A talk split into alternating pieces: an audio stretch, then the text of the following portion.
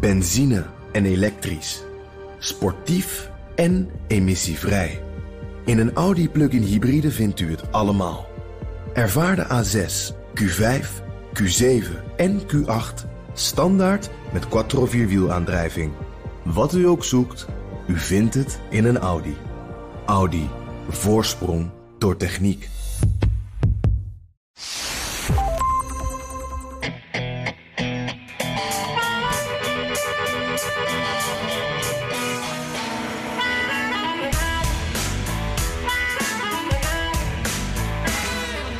Eindsprint is ingezet. De kandidaten grijpen de laatste kans om kiezers te overtuigen.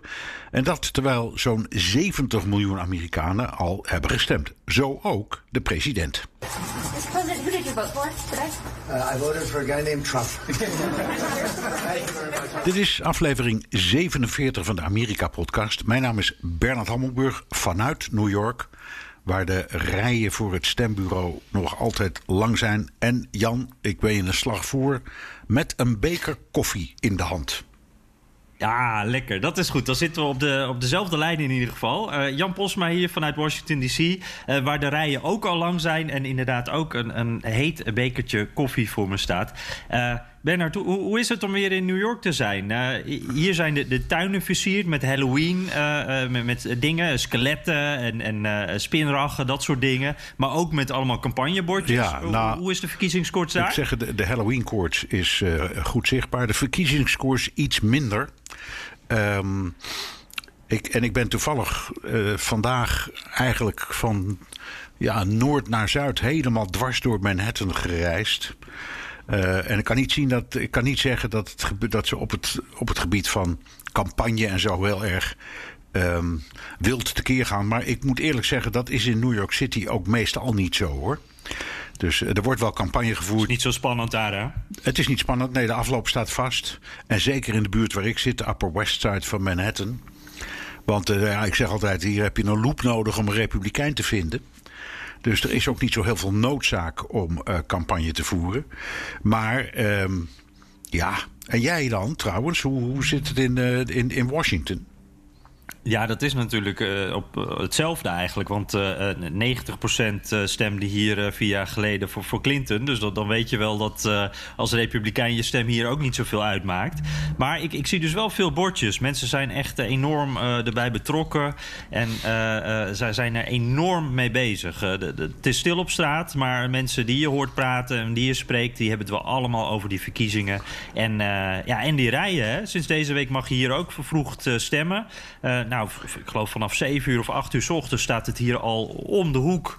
Er uh, zijn allemaal mensen staan in de rij om te kunnen kiezen. Ja, nou dat is hier niet anders. Uh, ik zit op de 92e straat. En uh, tien straten ten noorden van mij, op de 102e straat, daar is het bureau waar je vervoegd of uh, vooruit kunt stemmen. Ja. En daar was gisteren, ik heb het vanmorgen niet gecheckt, want ik ging de andere kant uit. Maar er was gisteren de rij vier uur, Jan. Daar staan dus mensen vier uur in de rij om een stem te kunnen uitbrengen. Dat siert die mensen in de eerste plaats.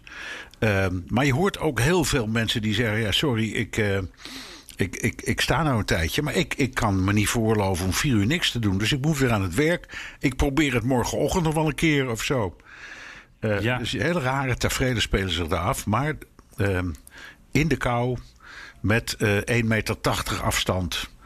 Allemaal voor een groot deel op straat. Ik vind het wat hoor. Ik vind het wel heel indrukwekkend. En, en ja, enorme motivering. Dat valt. Het is meer, meer dan ik ooit heb gezien. Ja, ja, ja, want dat, grappig wat jij zegt van mensen die dan maar weer uit de rij uh, gaan. Dat is iets wat ik hier ook wel heb gezien. Ik was uh, vorige week even in Virginia, net over de grens. waar ook enorme rijen stonden voor het stembureau. En, en daar sprak ik een meneer en die stond daar al voor de derde keer in de rij. Die kwam al voor de derde keer terug. Hij zei van, nou ja, vandaag gaat het waarschijnlijk dan wel lukken. Ik heb nog, het duurt nu, duurde die dag geloof ik een uurtje of zo. Dat kon hij dan wel hebben. Maar je moet wel zo gemotiveerd zijn hè, om dan de, voor de derde keer terug te komen. Het, het is fantastisch dat die mensen dat laten zien, die motivatie. Maar het zegt ook wel iets over het systeem hier. Hè? Zeker. Um, en je moet ook heel erg uitkijken met de interpretatie. Want... Uh, de grootste fout die de Democraten kunnen maken is dat ze zich rijk rekenen. Omdat ehm, waarschijnlijk het merendeel van de stemmen dat van tevoren wordt uitgebracht democratisch is. Uh, Ja. Het zijn er al zoveel. We zeiden dat al, al, zo, zo'n 70 miljoen Amerikanen. Nou, dat is dan misschien, misschien merendeels democratisch. Eh, maar je moet eh, uitkijken, want de, de, de Republikeinen die hebben, hebben zich voorgenomen, als het even kan, gewoon te gaan eh, stemmen op de verkiezingsdag zelf.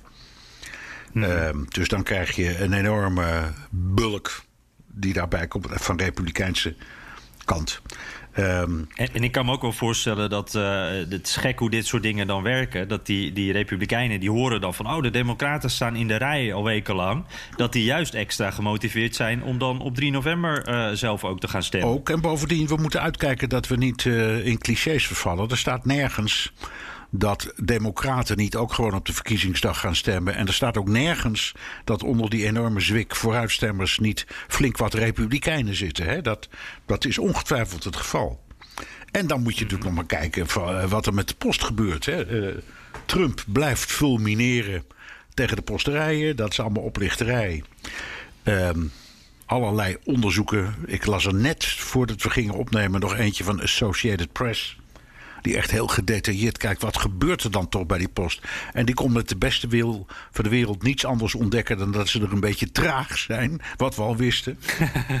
ja. Maar voor de rest werkt het systeem uitstekend. Dus, maar goed, wat er via de post komt. dat komt natuurlijk eh, na. eh, de verkiezingsdag tot grote woede van Trump. Want die eist dat alle ehm, post er eh, uiterlijk op de derde is. Wat natuurlijk krankzinnig is, dat gaat niet lukken. Eh, Maar goed, dat kan ook nog enorme verrassingen geven. Weten we gewoon niet. Ja, precies. En, en Trump die, die eh, maakt dat ook wat verdacht. Hè? Die zegt van nou, het feit dat we op 3 november waarschijnlijk nog geen uitslag hebben, dat zegt dat er iets niet goed gaat. Terwijl dat juist eh, helemaal niet iets zegt. Dat, dat zegt vooral dat er heel veel gestemd wordt en dat er dus secuur moet worden geteld. Eh, maar wat mij ook opviel, eh, Bernard, in het bijzonder was Texas. Eh, enorme opkomst daar. Veel meer dan, dan andere jaren. En ook opvallend, ik weet dat we elke vier jaar zitten ook te kijken naar Texas van... nou, dat zou wel eens democratisch kunnen worden. Maar nou ja, het gebeurt dan toch niet helemaal. Maar nu gaan Trump en Biden daar echt nek aan nek. Wat, wat denk jij, kan het dit jaar gebeuren dat, dat Texas democratisch wordt? Ehm, eh, ja, het kan. Het lijkt mij zeer onwaarschijnlijk, maar laat ik uitleggen waarom ik toch zeg het kan. Eh, we gaan steeds uit, daar komen we direct nog wel uitvoeriger over te spreken, over peilingen en waarschijnlijkheden en, en de swing states en zo. En Texas, daar is de afstand meestal zo klein ehm, en daar is de ziel van de burgerij toch zal ik maar zeggen, zo, zo republikeins, dat de kans heel klein is. Maar er kan nog altijd iets gebeuren waar allerlei ja, deskundigen ook rekening mee houden, dat er totaal onverwacht een landslide komt.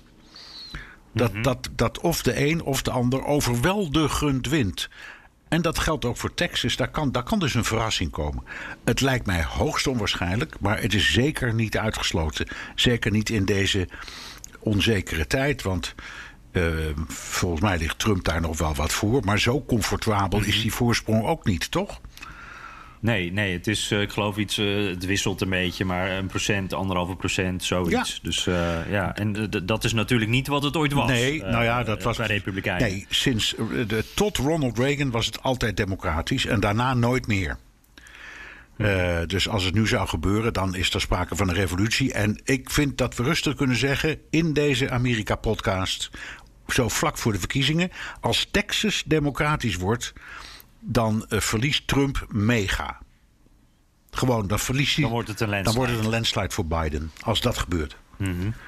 Nou, in ieder geval qua kiesmannen eh, is het dan al eh, zo'n beetje over. Want dat is zo'n grote staat. Ja. Dat, Zo is het. Ja. ja. nou, we houden het in de Ja, gaten. en er zijn beide campagnes met een sprint naar de finish begonnen. Eh, dat is ook wel leuk om gade te slaan, vind ik. Want zo hoort het in, in, in Ja, de aanloop naar verkiezingen. Het moet lekker spannend worden. Ze moeten vreselijk hun best doen op hun eigen manier. Hoe ziet het eruit, Jan? Ja, ja, het is sowieso inderdaad wat je zegt. Het is toch ook wel een soort geruststelling. Hè? Dat in deze coronatijd dat je dan toch een soort van eindsprint ziet... dat iets nog een klein beetje hetzelfde is als ervoor. Um, ja, je, je, ziet echt een, eh, een tegenstelling in hoe ze het aanpakken. Je zei al, beide op hun eigen manier. Trump is echt een wervelstorm. Die, die doet, uh, nou, uh, hij, de, deze week dan doet hij er zo drie, vier evenementen per dag. Hij zegt ook die laatste 48 uur, dan, dan ga ik wel 12 evenementen doen. Dus dan zie je hem overal in het hele land is hij aan het speechen. Ja, en of dat nou. Of het stunt is of niet, Jan, ik blijf zeggen, ik neem mijn petten vooraf. Man is toch 74, ja. hè? En ja, hoe, hoeveel ja, pepmiddelen die ook mogen gebruiken, daar weten we allemaal niks van. Maar ik vind het fantastisch hoor, dat hij dat volhoudt. Ja, nou, ik, alleen al dat hij zijn stem nog heeft, is echt ongelooflijk. Want hij, het is ook niet dat hij rustig aandoet tijdens die speeches. Dus uh, nee, dat is absoluut waar. Uh, en, en aan de andere kant zie je Biden, die behoorlijk rustig aandoet, nog steeds eigenlijk. Die doet dan een evenementje per dag. Uh, en en die, die leunt toch een beetje achterover op dat vlak. En die doet natuurlijk veel online. Dat is het grote verschil. En de focus, ja, die battleground states natuurlijk. Hè. Florida, Pennsylvania, Wisconsin, Arizona, uh, North Carolina. Je kan nog even zo doorgaan. Uh, logisch ook natuurlijk. Uh, maar ik, ik, er was een duidelijk verschil in accenten. En dat viel me wel op, Bernard. Trump die gaat daarnaast naar staten als Nebraska en Maine.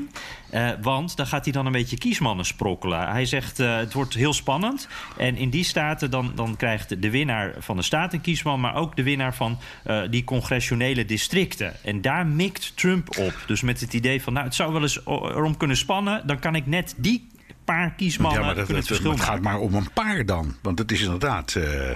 dat zijn zulke dun bevolkte staatjes...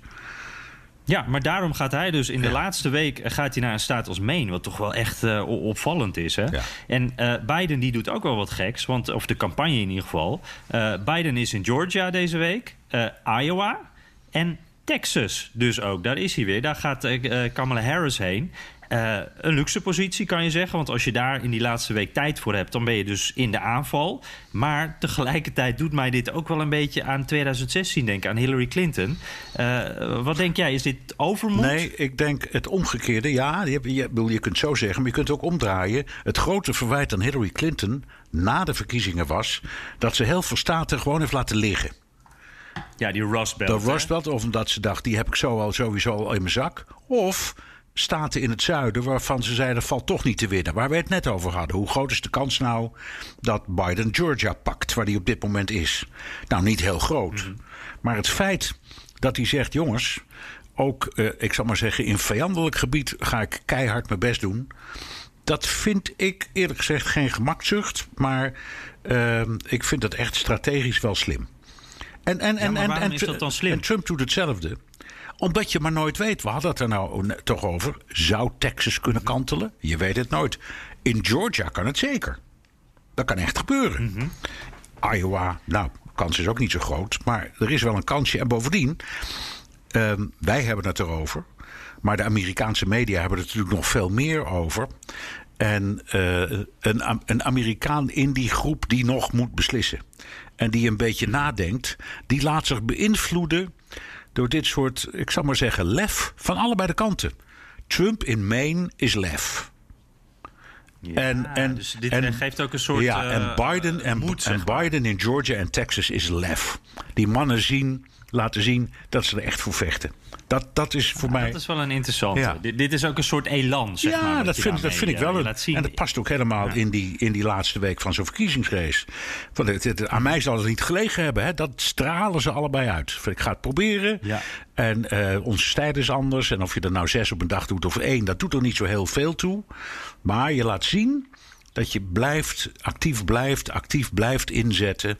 Heel goed. Ik vind het, dat vind ik, ik vind het een ik zeg een democratische opsteker, maar dan in de politicologische zin. Ja, ja, ja zonder hoofdletters, ja, zeg maar. Maar. Maar wat ik toch ook elke keer dan denk van... weet je, Pennsylvania, daar weten we dat is super belangrijk. Florida is super belangrijk. Kan je dan toch niet je, je krachten daar beter aan besteden? Want die uh, Pennsylvania heb je echt nodig. Terwijl uh, Georgia, ja, dat, dat, uh, dat, dat is een soort, zou een soort bonus kunnen zijn. Zeker, maar het is natuurlijk ook zo dat ze allebei in die staten, Florida uh, is een prachtig voorbeeld. Uh, ja, ze hebben daar zo langzamerhand elke kiezer gesproken, allebei. Hè? dat is waar, ja. Iedereen een handje geschud. Dus, Tenminste, ah, dat kan natuurlijk niet meer. Nee, maar ja. dus je, je moet op een bepaald moment ook maar zeggen... de boodschap moet nu wel duidelijk zijn. En eh, ja, nee, maar echt. En wat Ja. jij in de, Ja, in de nee, vorige podcast zo prachtig beschreef...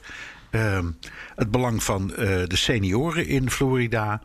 Nou, dat, dat, is er nu zo duidelijk uitgekomen. Je hoort inmiddels die mensen die jij ook hebt gesproken... werkelijk in de hele wereld letterlijk in de media verschijnen... om uit te leggen hoe ze worstelen...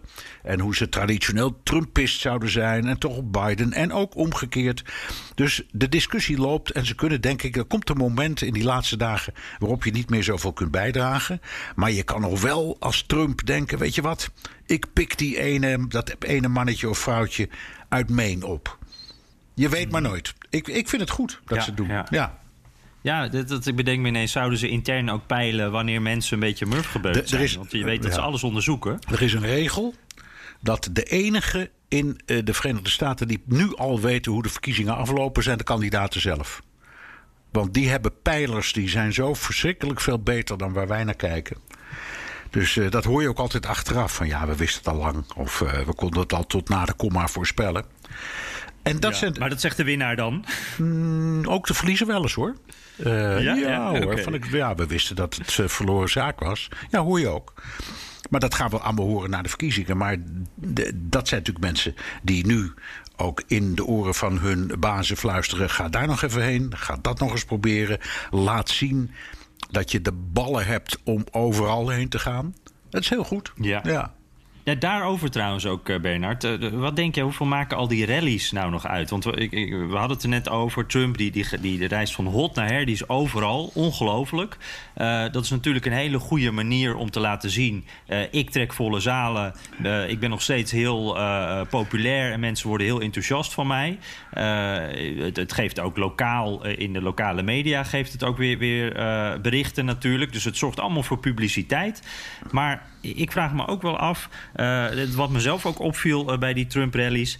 eh, daar zijn allemaal Trump-supporters. Dus dit zijn allemaal mensen die al overtuigd zijn. Er is daar niemand die, die twijfelt, of bijna niemand in ieder geval. Iedereen weet wel wat hij gaat stemmen. En, en die dragen ook al het, petje, het rode petje dat daarbij hoort. Wat, wat, denk jij? Is dit preken voor eigen parochie... of, of, of zit hier toch nog wel een, een nut in? Nou, ik, ik ben het met jou eens. Ik betwijfel het. En we hebben het al eerder over gehad. Hè. Overal waar hij komt, spreekt hij uit eigenlijk alleen maar zijn eigen publiek toe.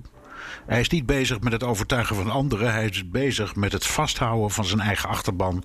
En het geruststellen van zijn eigen achterban. En enthousiasmeren van zijn eigen achterban. En man, dat kan hij als geen ander. Eerlijk is eerlijk. Wat jij vorige keer beschreef, dat ze op de stoelen staan te dansen. Nou, dat is wat. Alleen, ik begin zo langzamerhand het gevoel te krijgen, Jan... dat hij steeds hetzelfde publiek meeneemt... van de ene naar de andere bijeenkomst. Dat zou wel saai worden, want hij houdt ook elke keer ongeveer dezelfde Precies. speech, kan ik je vertellen. Dus, eh, ja. dus het lijkt allemaal nog wel heel Ja, erg op dus, elkaar. dus, dus, ja, dus, dus ik, ik betwijfel zeer het nut. Behalve, net als bij Biden, hoewel dat minder is en op een andere manier. Maar het krijgt zijn publiciteit. Het rolt in de democratische campagne veel meer in de sociale media dan in de republikeinse. Hoewel ook die daar erg hun best doen. Maar er zit natuurlijk achter wat wij zien nog heel veel. En eh, het, zo langzamerhand wordt de campagne van Trump is een tekst in een krant. En die juichende menigte is de foto daarbij. En die moet er elke keer toch bij om dat verhaal compleet te vertellen. Dus ja, heeft het een functie? Ik denk het wel. Alleen levert het nou veel op? Dat betwijfel ik.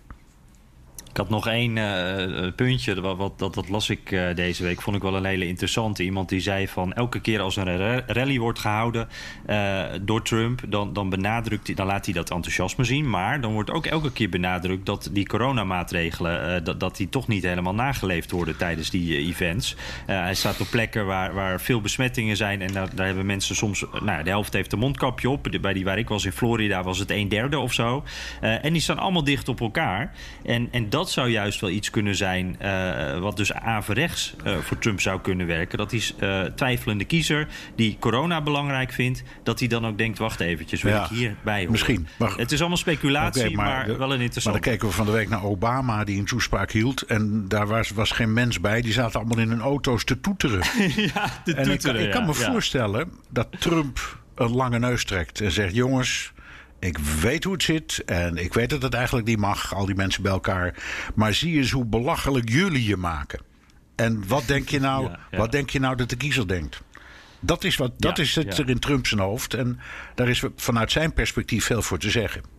En vanuit het perspectief van Biden, dat hij heel consequent zegt: Ik doe dat niet. En ik laat ook mensen die campagne voor mij eh, voeren het goede voorbeeld geven. En zelf geen gevaar lopen. Ja, ook dat is een statement. En nu maar kijken, Ja. nu maar kijken wat het publiek belangrijker vindt. Ja, precies. precies. Even, hey Jan, eh, even langs de peilingen. Ja. Ehm, even kijken. Ik eh, pak 538 er weer even bij. Eh, ja, en wat je ziet is dat eh, dat grafiekje... waar we het eigenlijk elke week wel een keer over hebben... die blijft een beetje gelijk. Dus we, we zijn nu toch wel ruim na het laatste debat. Ehm, je, je zou daar het, de gevolgen van kunnen zien in die, die peilingen. Maar wat je eigenlijk ziet is dat er niet echt wat gebeurt. Een heel klein kronkeltje naar elkaar toe. Maar dat is echt heel klein. Dan moet je met, eh, bijna met je gezicht op je beeldscherm gaan zitten. En dan is het nog steeds eh, eh, iets van 9% eh, voorsprong voor Joe Biden. Dus het, het, is... Wat we eerder zeiden, het is nog steeds in beton gegoten. Dit zijn de landelijke dan. En ook als je naar die eh, swing states kijkt... Er verandert eigenlijk niet zo heel veel. Die voorsprong in Pennsylvania heeft Biden nog steeds. Dat is iets van eh, 5% Florida is nog steeds heel spannend. Ehm, dus ja, ik, ik, we hebben, er is een pandemie gebeurd. Eh, er is een nieuwe eh, rechter in het Hoge Rechtshof. Eh, we hebben schandalen al dan niet eh, schandalen gehad. Eh, maar eh, het is in beton gegoten, Ja. Bernard. En niks blijft kleven. Hè? Die hele, bijvoorbeeld die hele affaire Nee. van Hunter Biden, de zoon van Joe, die. eh, eh, en dan, dan, dan zijn er nu allemaal mensen in het complotcircuit die foto's aan elkaar rondtwitteren van Hunter Biden met een, in een hele spannende situatie met een paar dames. Eh, en het helpt allemaal geen moer. Het heeft geen invloed op Nee. de peilingen. Nee, en ik vraag me ook af of hier misschien ook eh, ja, de, de, de mediatactiek van, van Trump misschien ook eh, tegen hem werkt. Want we hebben natuurlijk vier jaar lang, en eigenlijk wel langer, want die, die campagne voor 2016 was ook al eventjes bezig. We hebben zo lang eigenlijk elke dag een nieuw nieuwsverhaal gehad. Soms meerdere op een dag. Eh, dat die nieuws, eh, die nieuwscycle, zeggen ze hier dan, eh, dat, dat, die is zo ongelooflijk snel. En als jij als, als, als kiezer een dagje even niet oplet, dan heb je zomaar twee, drie verhalen gemist. Maar er zijn ook alweer twee, drie nieuwe verhalen. Dus je hebt ook geen tijd om ergens Nee, over na te is ook denken. waar. Nee. ehm, maar goed, het bl- blijft niks. Er komt niks nieuws meer bij.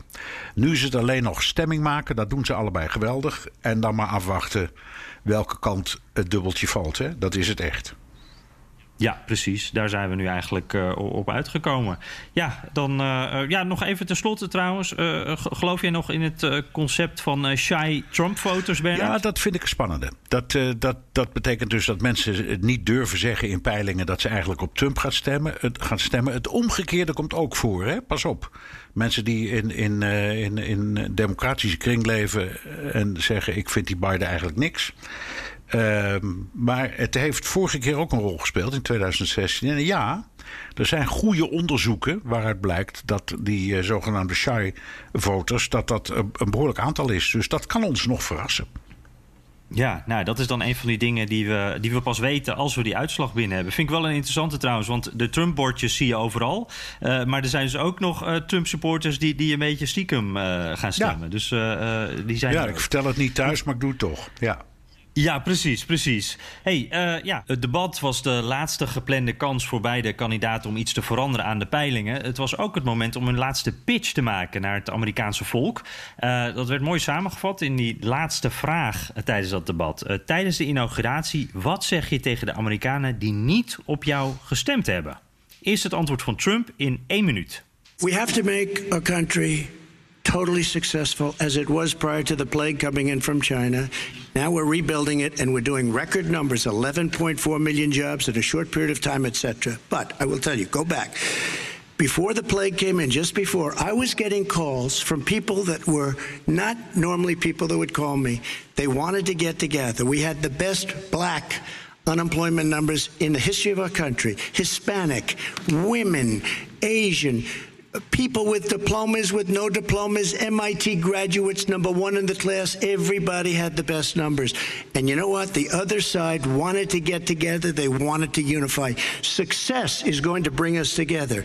We are on the road to success. But I'm cutting taxes, and he wants to raise everybody's taxes, and he wants to put new regulations on everything. He will kill it. If he gets in, you will have a depression, the likes of which you've never seen. Your 401ks will go to hell, and it'll be a very, very sad day for this country. All right. Wat valt jou hierbij als eerste op, Bernard? Ehm, het, eigenlijk, de, de, smaak die ik ervan had, ja, dan kun je zeggen dat is een open deur, maar het is toch zo. Het was de politiek. Het was te smerig, het bleef te vilijn Trump. Het was niet wat ik eigenlijk wel had verwacht en misschien ook wel een beetje gehoopt. Het openen van de armen. Wat hij eh, van zijn armen om te zeggen: jongens, ik, ik weet er, we zijn hier stevig aan Robertje aan het vechten, maar ik ben er echt voor iedereen. Dat had hij heel makkelijk kunnen doen. Ja, want daar was de vraag op gericht. Daar was de vraag op gericht. geeft hij daar geen antwoord op. Ja, waarom geeft hij daar geen antwoord op? Da- Omdat het natuurlijk Trump is Trump. Het is zijn karakter. Dat kan hij niet over zijn lippen krijgen. En hij ehm, heeft het spel zo gespeeld dat door hem de democraten zo ge- zijn gedemoniseerd... dat ja, hij kan moeilijk in zo'n pitch gaan zeggen... jongens, ik ben er ook voor democraten. En ik vond dat eerlijk gezegd een gemiste kans... En ik denk dat dat een van de redenen is waarom, we hebben het al over gehad, maar dat debat heeft niet zoveel invloed gehad op de peilingen. Maar ik denk dit een, een van de redenen was. Op dat moment dat je denkt, nou, laat hem dan maar eens. Ehm, dan moet er ook iets komen van met een moraal. We zijn Amerikanen in het algemeen heel blij mee. Of iets sentimenteels. Of iets wat aanspreekt of mensen in het hart raakt. En kom op zeg, en niet weer Hunter Biden. Hou nou toch op. hè? Vind je, je zegt, ja, nee, ik, ja, dat ben ik met je eens. Ik, je zegt wel iets heel interessants. Want we hebben ons al vaker afgevraagd waarom, waarom eh, richt hij zich niet meer op die zwevende kiezer. Eh, maar wat jij nu zegt eigenlijk, hij heeft steeds zo afstand genomen van alles wat democratisch is. Dat hij dat eigenlijk ook niet meer kan. Dat hij zo eh de, de tegen schopt dat, dat het dan niet meer lukt. Om, om, om, eh, of, dat is misschien tegen zijn natuur. Nee, ik denk dat het eh, ook wel strategie is. Ehm, wat, hij, wat hij zegt, ook, ook in zo'n pitch, maar ook op andere momenten, is dat hij hoopt dat hij mensen kan overtuigen dat ze moeten overstappen. Ehm, dus hij wil de laatste eh ehm, debielen, namelijk democraten, nog één keer waarschuwen. Dat ze, dat ze hun leven nog kunnen beteren. En dat is de inzet. Dat kan niet anders dan door die democraten voortdurend weg te zetten als een stelletje idioten.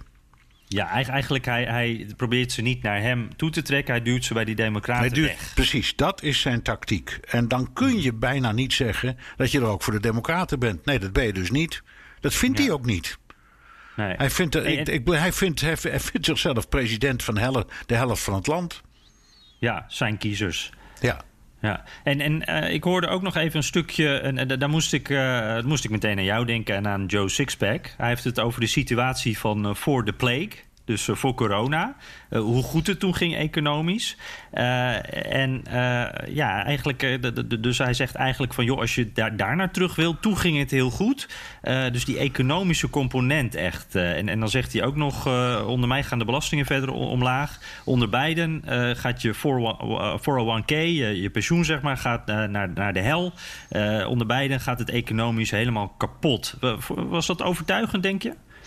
Ehm, nou ja, de vraag is of het die zwevende kiezer overtuigt. Kijk, de- dit, is, de- dit soort verhalen die, die vallen bij zijn eigen kiezers geweldig. Maar die heeft hij al. Dus de- daar Ja, hoeft ik, hij... ik moest, eh, ik hoeft hij dit niet even aan, aan- jou denken. Jij zei van eh, eh, die, die zwevende kiezer die dan denkt... wie kan ons het beste er weer bovenop halen, Ja. opbrengen... Dat, is dan, dat zou Trump dan zijn. En dit is wel een beetje, dit is spierballentaal. Zeker. Maar dat is ook, kijk, dat was voor mij dat beeld dat ik steeds voor ogen heb. En nu ook weer. Is de meeste Amerikanen volgen het nieuws niet zo precies. En volgen ook alle strapatsen van die mannen niet precies. En die zien dus maar een paar keer eigenlijk echt de kandidaten in, in beeld. En op zo'n debat zien ze ze met z'n tweeën. Nou viel de kijkdichtheid mij zwaar tegen hoor, moet ik zeggen.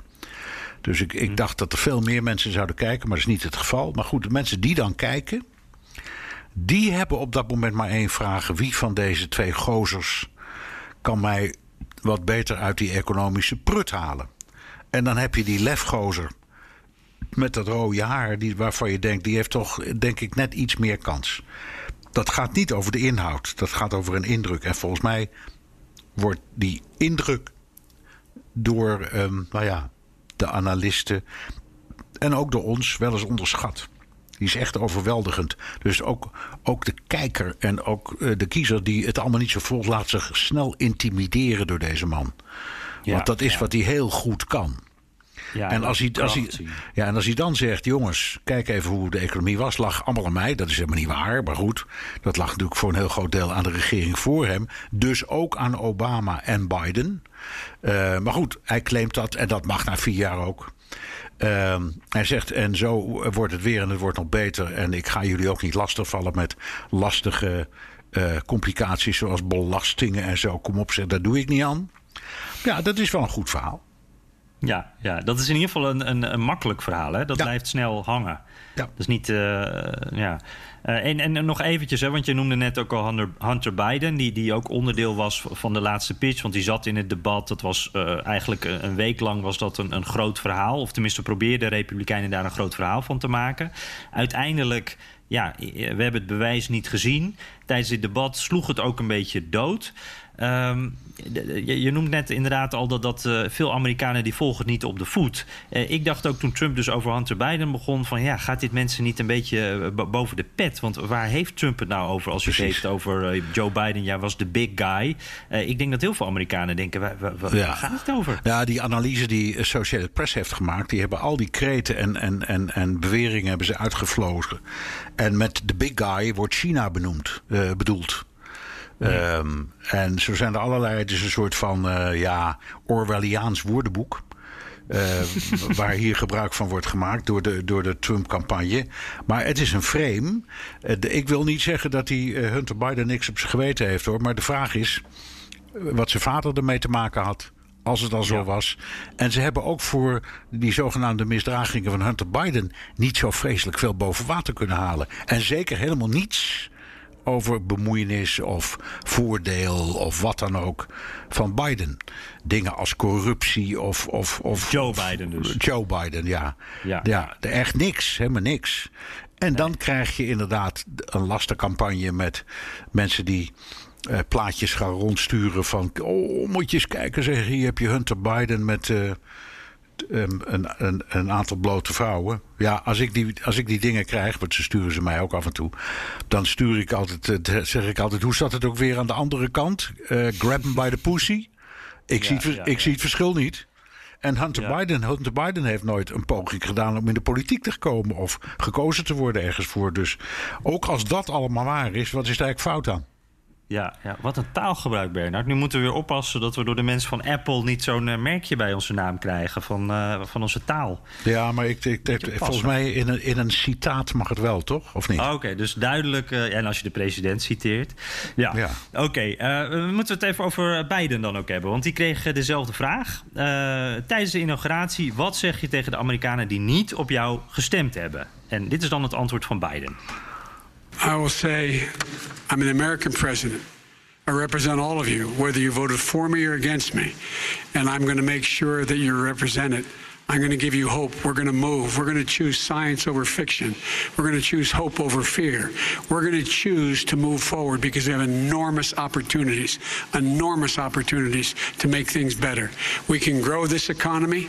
We can deal with the systemic racism. And at the same time, we can make sure that our economy is being run and moved and motivated by clean energy, creating millions of new jobs.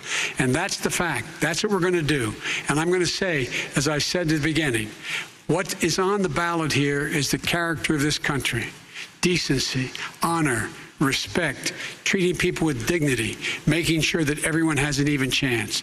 And I'm going to make sure you get that. You haven't been getting it the last four years.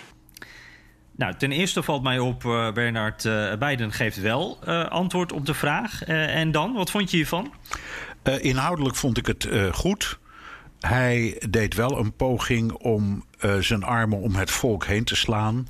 En hij gebruikte ook dingen die mij in elk geval en vele anderen wel zullen aanspreken. Uh, de boodschap was een beetje: kom op, laten we nou met z'n allen proberen om een beetje normaal te doen. En het respect terug te winnen dat wij altijd uh, voor elkaar hebben gehad. En ook in het buitenland hebben gehad. Allemaal van dat soort dingen. Prachtig mooi. Maar ja, als je een Trumpist bent, dan zeg je: ja, ja, ik hoor de violen op de achtergrond al een, ja. een, een deuntje strijken. Van houd erop, ja. man. Geloof je het zelf wel? Lul. Ja, geloof je het zelf wel? Precies. Ja, ja precies. Maar ja. ik, ik zeg, als je gewoon uh, puur inhoudelijk die twee boodschappen vergelijkt, vond ik die van Biden gewoon aardiger. En dat vind ik überhaupt. Ik weet niet of ik hem beter vind, maar ik vind hem in het algemeen, als je ze naast elkaar zit, gewoon een aardigere man. En, en voor sommige kiezers uh, geldt dat ook. Het is, niet, het is ook. Trump, Trump is zo hard. En zo, mm-hmm. en zo gemeen en zo vilijn en zo uh, humorloos. En Biden heeft nog iets vriendelijks. En, en uh, die probeert ook in zijn taalgebruik, ook in zo'n, in zo'n boodschap, nog iets te stoppen van. Um, kom op joh, uh, take it easy. We zijn allemaal gewoon Amerikanen onder elkaar. Dit is een fantastisch land. En we moeten gewoon weer een beetje worden wat we vroeger waren. Nou, ja, ja. best verhaal. Maar ja, maakt het indruk. Wat denk jij? Ja, nou, ik, ik, had, ik had eigenlijk wel een beetje hetzelfde gevoel wat jij ook hebt. Van, uh, want uh, nou ja, Trump is altijd aan het vechten. En ik kan me wel voorstellen, veel Trump-kiezers zeggen ook... ja, maar hij vecht voor mij. Nou, dat snap ik helemaal, want Trump straalt dat altijd uit. Maar soms denk je ook wel eens van, kan het knopje even om? En, en uh, je hoeft nu niet ruzie te zoeken. Je kan ook gewoon even vertellen wat je zelf wil. En, en dat, dat miste... Uh, denk ik toch wel een beetje in dat, in dat Trump-verhaal. Um, wat mij wel, uh, wat ik wat minder sterk vond aan Bidens verhaal, het deed me zo aan Obama denken. En ik snap wel dat hij dat doet, want Obama is nog steeds onder Democraten heel populair. Uh, en het, zijn ook, het waren altijd mooie woorden natuurlijk van Obama. maar tijdens het debat had hij het ook een keer letterlijk over: van er zijn geen blue en geen red states.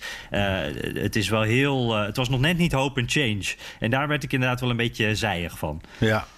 Ja, dat is ook zo. Dat is ook uh, been there, done that, hè? zou je kunnen ja, zeggen. Precies. Waarom nou weer opnieuw? Um, en het thema spreekt ook niet aan, want we zitten waar we zitten.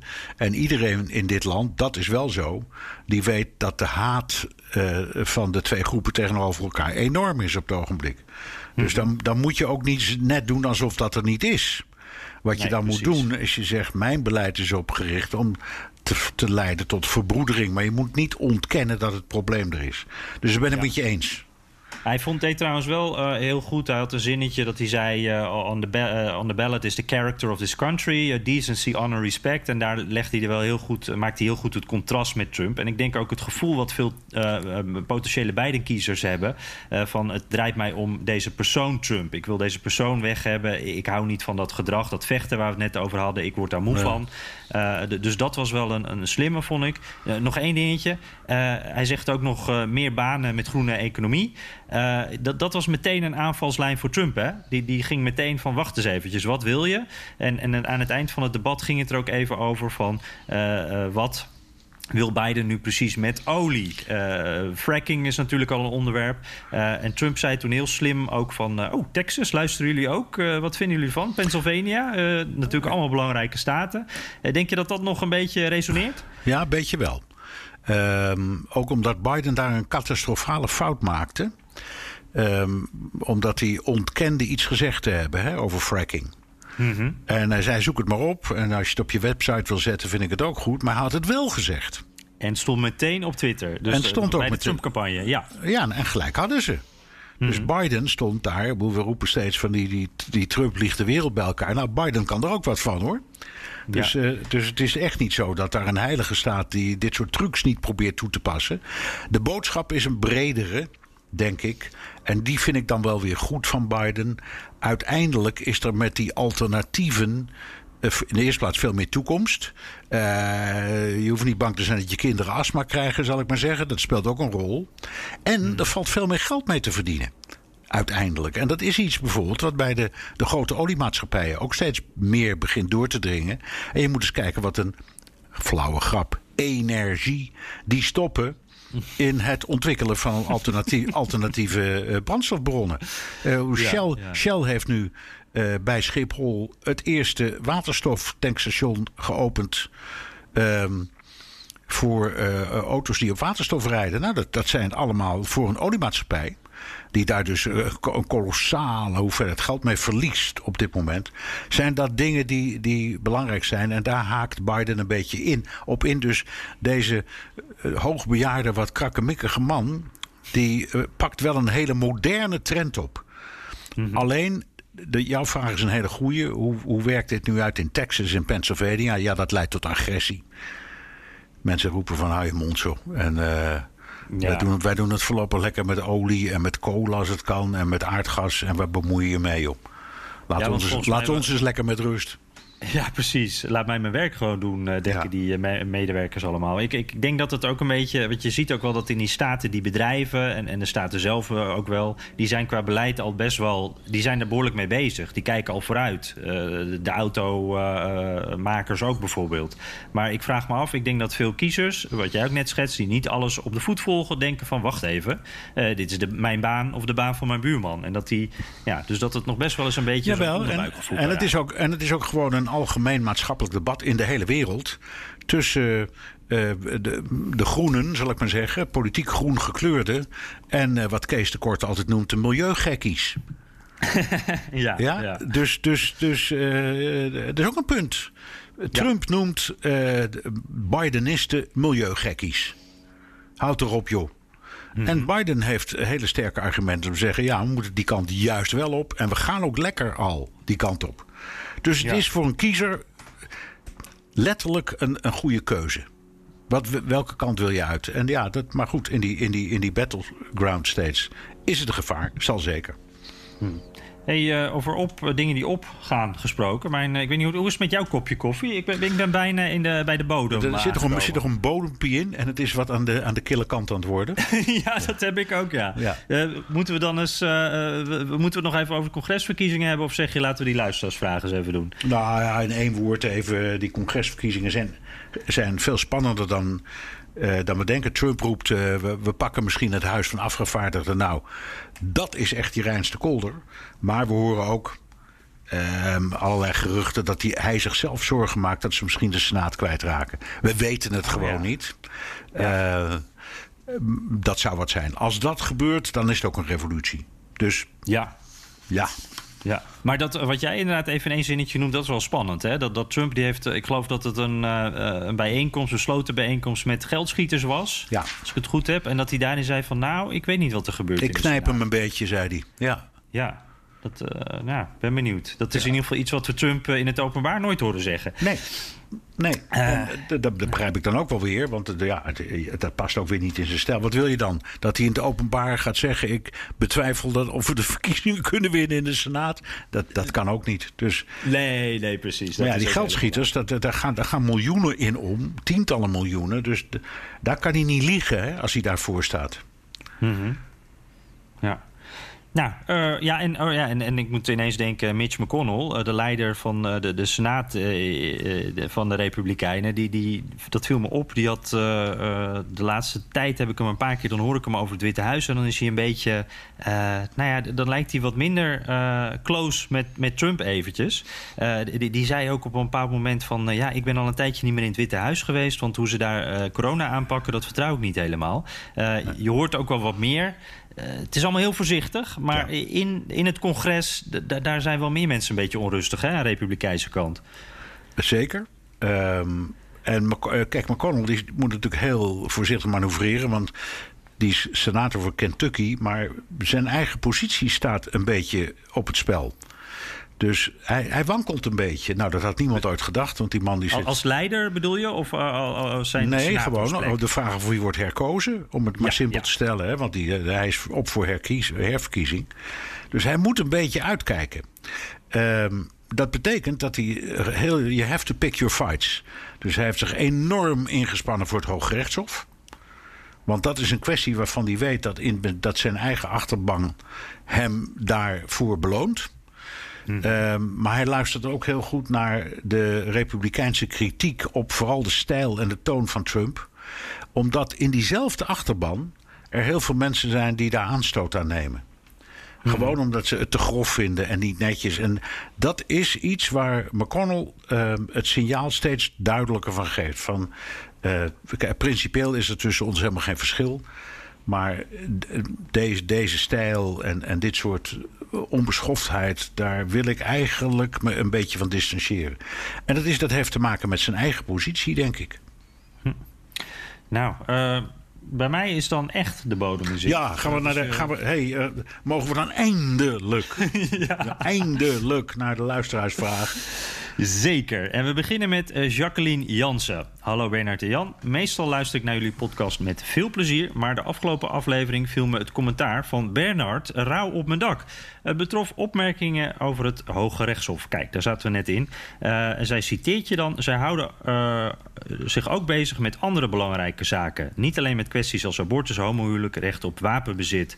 Uh, Jan pakte deze opmerking terug om aan te geven dat juist die onderwerpen ook van groot belang zijn. Bernard reageerde daar laconiek op om direct daarna de kwestie Kavanaugh af te doen. Uh, met een meesmuilend, ik zou, uh, hij zou ooit iets met een meisje hebben gehad. Nou, zij zegt dan, ja, dat meisje was een dappere vrouw, Christine Blasey Ford, die durfde te getuigen.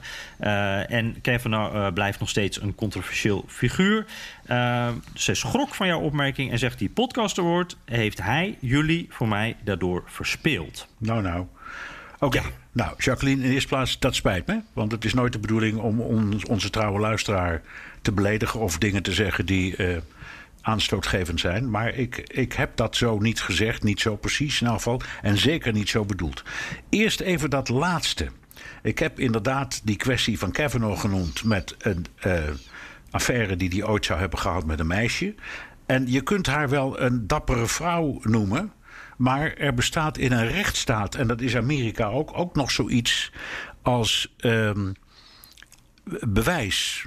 En de manier waarop de Democraten zijn omgegaan met die arme mevrouw Blasey Ford is hartverscheurend. Want ze hadden gewoon niet voldoende bewijs. Nou kun je zeggen dat is in een aanrandings- of verkrachtingszaak altijd.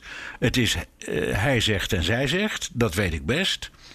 Maar het was voor het, het college dat moest oordelen, in dit geval de Senaat. En dat, dat is in feite een, een soort rechtbank op dat moment.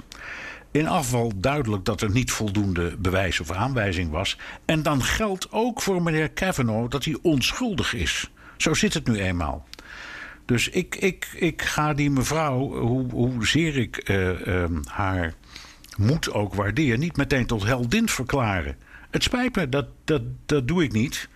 Um, omdat dat zou betekenen dat iedereen die dingen zegt zonder dat daar echt het bewijs van kan worden geleverd, al zijn die dingen nog zo sympathiek, meteen eh, als drager van de waarheid worden afgezet. En dat vind ik onjuist.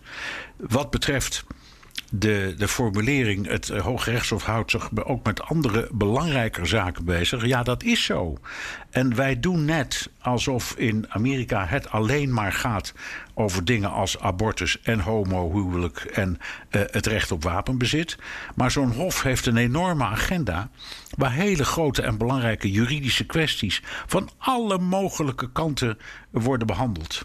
Uh, ik noem maar wat, wat nu speelt. Uh, is Obamacare een wet die uh, klopt of niet? Of moet die worden afgeschoten?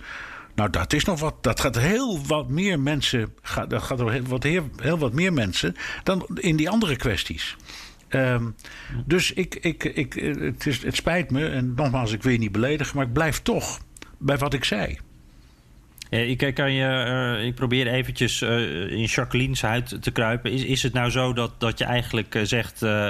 Ik, abortus is ook belangrijk. Alleen, er zijn zoveel andere ook belangrijke zaken... Ja, waar we minder nee, aandacht voor hebben. Dat nee, is een beetje nee, de... nou, wat ik, nou, wat ik... Natuurlijk is dat zo. En het is een afschuwelijk idee dat er nu een regime zit... dat terug wil naar het breipennen tijdperk. Hè? Laten we daar duidelijk over zijn. Zijn ja. we allemaal fel op tegen. Daar is geen twijfel over.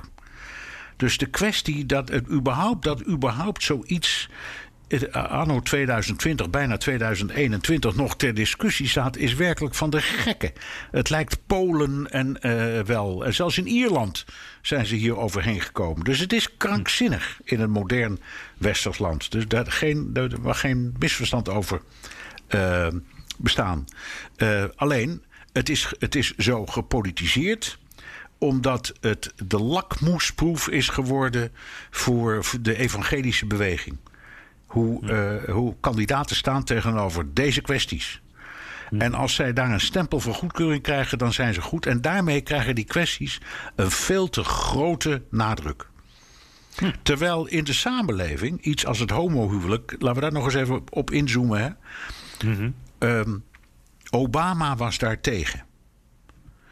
Eh, dus hij was niet tegen eh, eh, homoseksuele Ja, hij sprak zich daar niet over uit, volgens mij. Nee, nee, nee, nee, hij was, nee, hij was er niet voor. Dat zei hij ook. Ja. En toen de ene na de andere Amerikaanse staat kwam met wetgeving die het homohuwelijk mogelijk maakte, toen zei hij iets heel verstandigs van dan moet ik niet dwars blijven liggen. Dus ik, ik, ik schaar mij achter die beweging. Dat vind ik voor een politicus een hele stap hoor. Als je zegt, nou ja, ik vond eigenlijk iets anders, maar ik heb me laten overtuigen. Ehm, dus dat is heel mooi. Eh, maar ook dit was in het kader van. Kijk, dit, dit was een hele belangrijke strijd. Die wet is er. Federale wet is er. En het zou heel vervelend zijn als die weer wordt afgeschoten. Maar dat geloof ik trouwens niet hoor. Dus eh, kortom, de- deze onderwerpen zijn gepolitiseerd in een, in een, in een gevecht om de macht. En, en, en, en hebben, zijn daar zijn bijna aberraties geworden in juridische zin van waar het eigenlijk om gaat. Nou, eh, in ieder geval heel duidelijk antwoord volgens mij. Ehm, René Katenberg, eh, die zegt... eh, elke week voelt het alsof ik bij jullie aan tafel zit. Ik luisterde deze week terwijl ik aan het koken was... en het leek wel of jullie nu bij mij aan de keukentafel zaten. Nou, dat, dat is in ieder geval een mooi beeld. Dat eh, klinkt heel gezellig. Hij zegt... Trump zijn leiderschapsstijl kenmerkt zich door vele wijzigingen in zijn team... zowel in het Witte Huis als in zijn campagne. Wat volgens mij overblijft zijn over, overlevers en ja-knikkers... die hun positie aan hem te danken hebben. Dan vraagt hij zich af... mist Trump het talent in zijn team om hem aan een overwinning te helpen? En hoe belangrijk zijn die mensen die hij niet meer om zich heen heeft? Nou, Ehm, nou, jij zelf eerst maar even, want eh, dat is een onderwerp waar jij zelf heel goed in zit. Hè? De, de, de, de- het team om Trump heen. Ehm, ja. Eh, jij, jij hebt er een boek over geschreven, ik niet. Dus eh, jij eerst maar even. Oké, ja, nou, ik, denk dat er inderdaad in, in zijn campagneteam... dat je daar echt wel wat, daar valt wel wat over, voor te zeggen. Dat daar eh, eh, op dit moment eh, niet meer ja, de, de leider is die het eh, eh, vier jaar geleden wel had. Eh, en eh, ik denk dat Trumps stijl, Trumps methode... een beetje dat eh, eh, soort, hoe noem je dat, een soort eh, eh, re- rebelse aanpak... dat werkte vier jaar geleden perfect. Dit jaar hebben ze ineens, hadden ze enorm veel geld tot hun beschikking, veel meer mensen. Daar hoort ook een bepaalde organisatie bij als je het op die manier aan wil pakken. En dat is niet gelukt, denk ik. Op, als je het op dit moment bekijkt, het, ze hebben minder geld dan Biden. Eh, de structuur staat ook wat ja, niet, niet, niet op een effectieve manier op, dit moment. Eh, en, en je hebt die Brad Pascal gehad, die natuurlijk de grote baas was gemaakt. En, die is nu weg, ook vanwege persoonlijke problemen, maar ook omdat, die, eh, ja, omdat het gewoon niet zo goed ging. Eh, dus ik denk dat daar wel echt een probleem is. Dat daar nu eh, Trump zo dominant is en, en, en dat dat niet altijd werkt, zijn methode. En dat geldt misschien in het Witte Huis eigenlijk wel precies hetzelfde. Want hij heeft altijd, eh, nou, hij heeft heel wat stafchefs bijvoorbeeld eh, versleten. In het begin. ehm, gaven die nog wel weerwoord. Maar eh, nou ja, eigenlijk, eh, wat is het, de laatste jaar, anderhalf jaar... gaat Trump gewoon zijn eigen gang. En ik denk niet dat dat altijd de beste of de meest efficiënte manier van werken is... die hij Nee. kiest. Nee. Nee, Eh, wat de dagelijkse gang van zaken in het Witte Huis betreft, ik denk inderdaad dat daar een soort chaos heerst. Ehm, maar ehm, dat interesseert Trump niet, want hij zegt uiteindelijk ben ik degene die beslist. Dus eh, ik, heb, ik wil ook alleen maar mensen die gewoon doen wat ik zeg en of vinden wat ik vind. Ehm, ik wil helemaal geen tegenspraak, ik wil geen dwarsliggers, kom op zeg. En in die campagne, ja, daar kun je nog zoveel professionals bij halen. Maar hij bepaalt uiteindelijk de strategie gewoon zelf. Hij zegt: Ik ga nu tien, tien eh, plaatsen bezoeken en een verhaal vertellen. En hij weigert om dat verhaal te laten schrijven of te laten checken. Hij doet het gewoon zelf. Dus ja, waarom, waar heeft hij zo'n campagne, campagne-team eigenlijk voor nodig? Ja, en zolang het werkt, dan, dan Eh, eh, is dat precies. ook gewoon gelijk. En het werkt gewoon. Dus Ja. misschien, misschien heeft Trump een soloist. eh, maar wel een die het kan. Dus dat zou best kunnen hoor. Hey, eh, Sander Gorissen, eh, leuke vraag had hij. Veel dingen hoeven niet over te nemen van de VS. Eh, mijn vraag is echter, waar kunnen we als Nederland wel van de Amerikaanse politiek en deze verkiezingen in het bijzonder leren? Ja, Ehm, Nou, in de eerste plaats, in het, je, je kunt zeggen wat je wil van dit stelsel. Maar een stelsel met voorverkiezingen, dat is bedacht om de burger ook te laten meepraten over wie de kandidaten worden. Dat blijft voor mij een ijzersterk ding, hoe raar het ook verloopt. Uh, maar het is bij ons nog altijd een beetje een schijnvertoning met een partijcongres en mensen met groene en uh, uh, rode kaartjes die ze omhoog kunnen halen. Om... Werkt ook niet altijd. Je, je, ziet nu wat er bij het CDA gebeurt, die strijd om de lijst.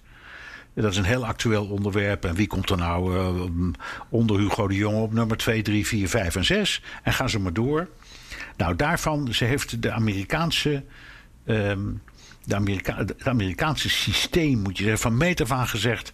dat laten wij uitmaken door het volk. Dus mensen die willen, voor wat voor positie dan ook... die maken zich bekend, die gaan campagne voeren... en de kiezer, die spreekt zich daarover uit. Dat vind ik een leuk systeem. Ja. Dus dat, dat, en het is ook wel eens geprobeerd. Je hebt destijds uh, Rutte en Verdonk gehad in de VVD... die een soort primary hielden, maar toch niet helemaal echt goed. Um, dus ik denk dat dat een leuk systeem is om weer eens naar te kijken. En dat zou de Nederlandse politiek ook opfrissen. En het, het, het stimuleert ook mensen van buiten. Hè, wat we allemaal toch graag horen. Mensen die een beetje outsiders die er dan in. Die stimuleert het om te zeggen: kom op joh. Ik gooi eens een balletje op. Wie weet. Mm -hmm. Denk, denk je ook, uh, want wat mij altijd opvalt hier is die ongelofelijke betrokkenheid van uh, uh, mensen bij het proces. Iedereen heeft er een mening over. Zoveel mensen die echt heel veel tijd in campagnes stoppen aan vrijwilligerswerk. Dat, dat, ik heb het gevoel dat we in Nederland soms, ja, laten we het wat meer langs ons gaan. heeft dat met die primaries ook te maken of zit hier nog iets anders in het water waardoor mensen zo betrokken zijn? Um... Nou, het heeft misschien te maken met het feit dat de um, samenleving weinig beschermend is. Hè? Het is een harde samenleving en dat betekent dat politieke meningsverschillen over hoe die samenleving eruit moet zien veel harder aan de oppervlakte komen. Bij ons zijn, zijn de verschillen marginaal. Ik bedoel, van, van, uh, van SP tot VVD als je die partijprogramma's naast elkaar legt, ja, zeg op het gebied van, nou ja, sociaal gebied zijn er misschien wat verschilletjes, maar ze zijn allemaal minimaal. Hm. Uh, ja, wat meer belasting of wat minder belasting. Maar het zijn niet echt hele grote principiële kwesties. En in Amerika wel. Mm -hmm. Keihard, daar wordt gevochten over elke komma en elk punt. Ja, ja. ja, ja. hey, uh, we hadden nog uh, uh, eigenlijk een beetje zo'n dubbele vraag. John Molendijk en Annemieke, die hadden ongeveer dezelfde vraag. die willen namelijk allemaal weten, allebei weten wat nou de, de, de grootste prestatie van Trump is voor de gemiddelde Amerikaan in de afgelopen vier jaar. En John zegt er nog bij dat hij deze podcast gebruikt als een soort kenniscentrum voor de heftige discussies die hij heeft met zijn vrienden over Trump ja, in Amerika. Dus dan moeten we met een goed antwoord komen. Ja, dat is ook zo. En die discussies hebben we allemaal een beetje natuurlijk. Uh, nou, jij mag er een paar noemen, ik mag er een paar noemen. Ik ga even uit van het bedrijfsleven en van de vermogende Amerikaan. Uh, en dan kun je zeggen, ja, dat is maar een klein groepje. Maar ik neem steeds maar weer dat voorbeeld van Greenwich. Uh, wat is het ook weer? Uh, ik meen Greenwich, Connecticut, de rijkste gemeente van Amerika. Oh ja. ja. Wat dus helemaal boven van New York, links naar rechts helemaal Trumpist is. Ja. En als je de, de, mensen daarna vraagt, dan zeggen ze: er is maar één reden dat we zo enthousiast zijn: dat is regels. Die man heeft als een beest gevochten tegen regels. Uh, en regels zijn, zoals wij ook in Nederland weten, vaak dwaas. En zeker als het Brusselse regels betreft. Wat je een beetje kunt vergelijken met de regels uit Washington. Dus daar heeft hij zich geweldig uh, voor ingezet en met succes. Vanuit uh, evangelische hoek of, of, conservatieve hoek kun je zeggen... het gevecht dat hij heeft geleverd voor het, voor het Hoge Rechtshof was ook magistraal. Mm -hmm. uh, en ook heel duidelijk uh, te kwantificeren. Hè? Hij heeft duidelijk drie precies. rechters binnengehaald. Dus dat ja. is heel, heel concreet. Ja, ja. en uh, ja, die belastingwet, daar is de, de jury het nog niet over eens. Maar in elk geval heeft hij een stimulans gegeven, dat is zeker. Mm -hmm. al is het ook alweer vooral, vooral voor, voor het bedrijfsleven. Um, en ik denk dat, wat ik ook, dat, dat kun je niet meten, maar dat zit ook erg in deze strijd. Als je al mag spreken over het elan dan heeft hij iets gecreëerd wat lang niet heeft bestaan, namelijk het elan van de doodgewone, ongeschoolde burger. Die heeft hij iets gegeven wat er niet was. Ook dat is een verdienste, vind ik. Hm. Ja, ik, ik wil er nog aan toevoegen dat hij op echt, uh, voor mijn gevoel, op de agenda heeft gezet. Het hele, uh, de, eigenlijk handelsverdragen, uh, banen die naar het buitenland verdwijnen. een probleem wat wel bekend was, maar waar Trump echt handen en voeten aan heeft gegeven. En hij heeft misschien niet echt de oplossing daarvoor gevonden. Met de nieuwe handelsverdragen die er zijn, is er niet zoveel veranderd volgens mij. Uh, maar hij heeft het wel zo, hij heeft dat echt op de agenda gezet. Ja, ook wel, uh, als we één, één detail uitpakken, dat nieuwe NAFTA-verdrag tussen, tussen Canada, Amerika Mexico. en Mexico. Het belangrijkste element daarvan, volgens mij, is dat, dat hij heeft bedongen dat in Mexico de, de, de lonen worden verhoogd. Hm. Dat betekent dat er minder concurrentie is en dat autofabrieken bijvoorbeeld minder de neiging hebben om hun productie in Mexico te doen. Dat is wel wat hoor. Dat is goed, goed onderhandeld. Hm. Um, dus daar verdient hij dat gewoon de credit voor. Uh, Bernard, we gaan naar een onthulling van uh, Geerke van der Meijden. Uh, beste mannen, met veel plezier luister ik wekelijks naar jullie podcast als ik s'avonds in mijn bed lig. Mijn man uh, ligt naast me en wil dan graag nog even kletsen. Maar de nieuwsgierigheid naar jullie podcast maakt dat de oortjes snel ingaan en hij het nakijken heeft. Zo hé. dus uh, excuses aan de man van Geerke. wow. En uh, Geerke, leuk dat je nu naar ons uh, luistert terwijl je zo uh, in bed ligt. en zij heeft ook een vraag over het Hoge Rechtshof. gaat over Amy Coney Barrett. Uh, net uh, benoemd natuurlijk. Uh, zij geeft aan dat het niet aan rechters moet zijn om de wet te maken, maar aan de politiek. Waarom wordt er zoveel macht bij dat Supreme Court gelegd en wordt door de overheid niet gewoon, worden niet gewoon nieuwe wetten ja, gemaakt? Dat is een hele goeie, omdat het Amerikaanse systeem anders bij ons is dan het onze. Ehm, bij ons is de wet onschendbaar. Dus uh, als die door, het, uh, door de Raad van State en door beide kamers is besnuffeld en goedgekeurd, dan is die wet de wet. Daar kun je niks meer aan doen. In Amerika is er altijd twijfel over de, uh, over de rechtmatigheid of, of over de schendbaarheid van een wet. Dus je kunt een wet zelf aanvechten. En op een heleboel punten zijn geen wetten. Dus daar wacht het volk als het ware op uitspraken van het Hoge Rechtshof, meestal in uh, hele principiële zaken. Neem bijvoorbeeld die abortuskwestie. Dat was een proces, Roe versus Wade. En het vonnis daarvan, dat is uh, uh, waar iedereen zich op baseert. Dat is het enige wat Amerika heeft. Heeft dus geen abortuswet. Mm -hmm omdat ze zeggen, ja, de vraag is ook of dat nodig is. Want we hebben een vonnis van het uh, Hof. Dus de rol een van president, de, dus een wet we hebben we niet nodig. Ja, en in het Engelse recht, want daar komt ook allemaal vandaan... is precedentwerking veel belangrijker... dan in het uh, Romeinse en Franse recht... waar ons systeem op is gebaseerd. Hm.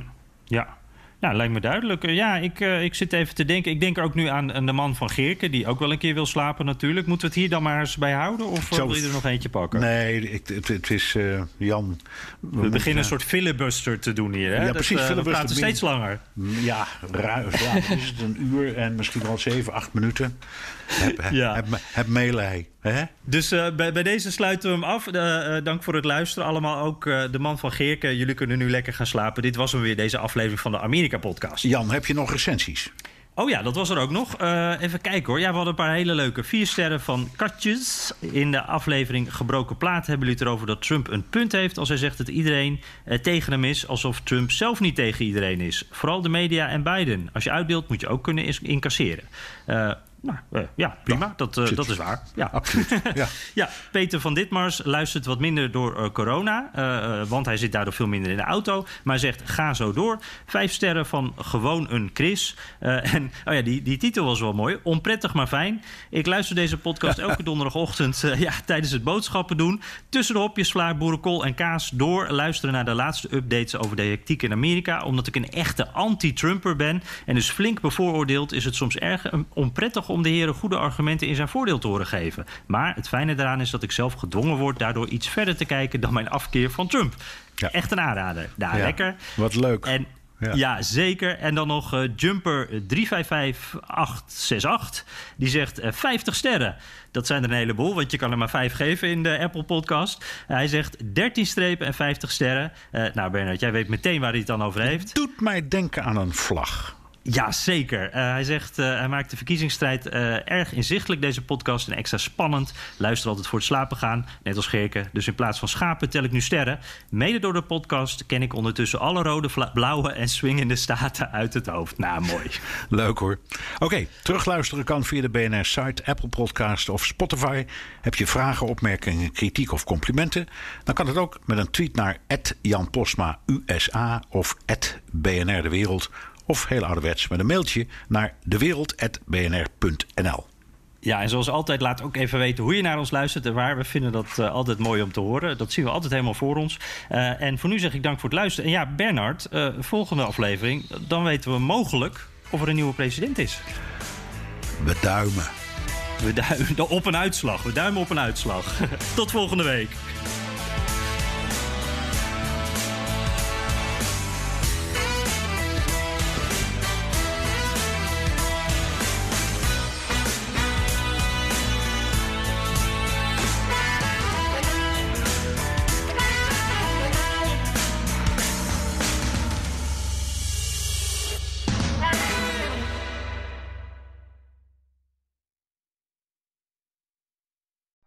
Benzine en elektrisch. Sportief en emissievrij. In een Audi plug-in hybride vindt u het allemaal. Ervaar de A6, Q5, Q7 en Q8 standaard met quattro vierwielaandrijving. Wat u ook zoekt, u vindt het in een Audi. Audi. Voorsprong door techniek.